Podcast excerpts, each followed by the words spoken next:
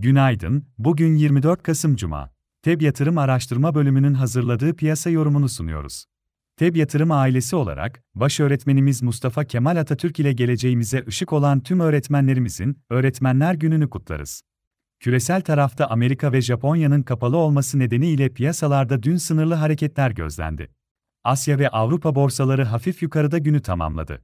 Kasım ayında Avrupa ve İngiltere tarafında PMI endekslerinde gözlenen toparlanma Avrupa borsalarını olumlu etkiledi.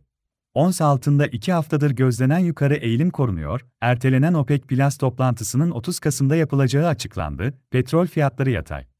Amerika piyasaları bugün yarım gün açık. Japonya'da Ekim ayı tüketici fiyatları enflasyonu beklentinin altında geldi, Kasım ayında imalat sektörü PMI endeksindeki artış ise beklentinin altında kaldı. Çin tarafında yönetimin ekonomik büyümeyi ve konut sektörünü desteklemeye yönelik üzerinde çalıştığı teşvikler piyasalarda takip ediliyor. Asya borsaları haftanın son işlem gününde karışık seyir izliyor. Çin ve Güney Kore borsası satıcılı, Japonya borsası güne yukarıda başladı. Amerika endekslerinde vadeli tarafta hafif alışlar etkili, Avrupa borsalarının da hafif yukarıda açılması bekleniyor. Dolar endeksi güne başlarken hafif aşağıda ve Amerika tahvil faizleri yukarıda seyrediyor. Amerika'da bugün Kasım ayına ilişkin imalat sektörü PMI endeksi önemli olacak. Avrupa tarafında Avrupa Merkez Bankası Başkanı Lagarde bir etkinlikte konuşacak.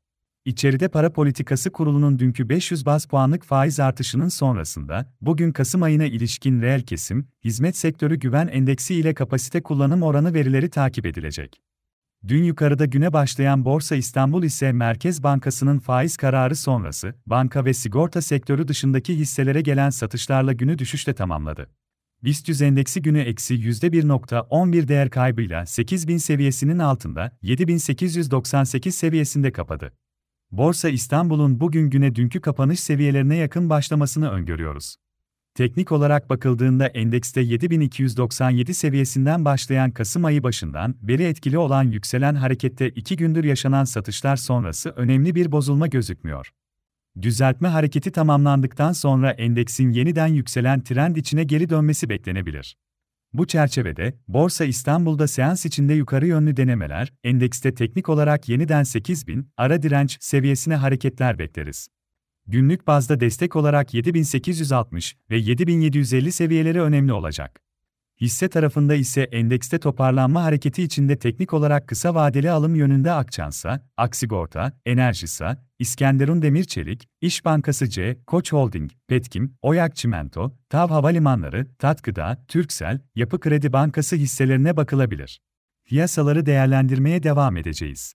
FEB yatırım olarak herkese iyi bir gün dileriz.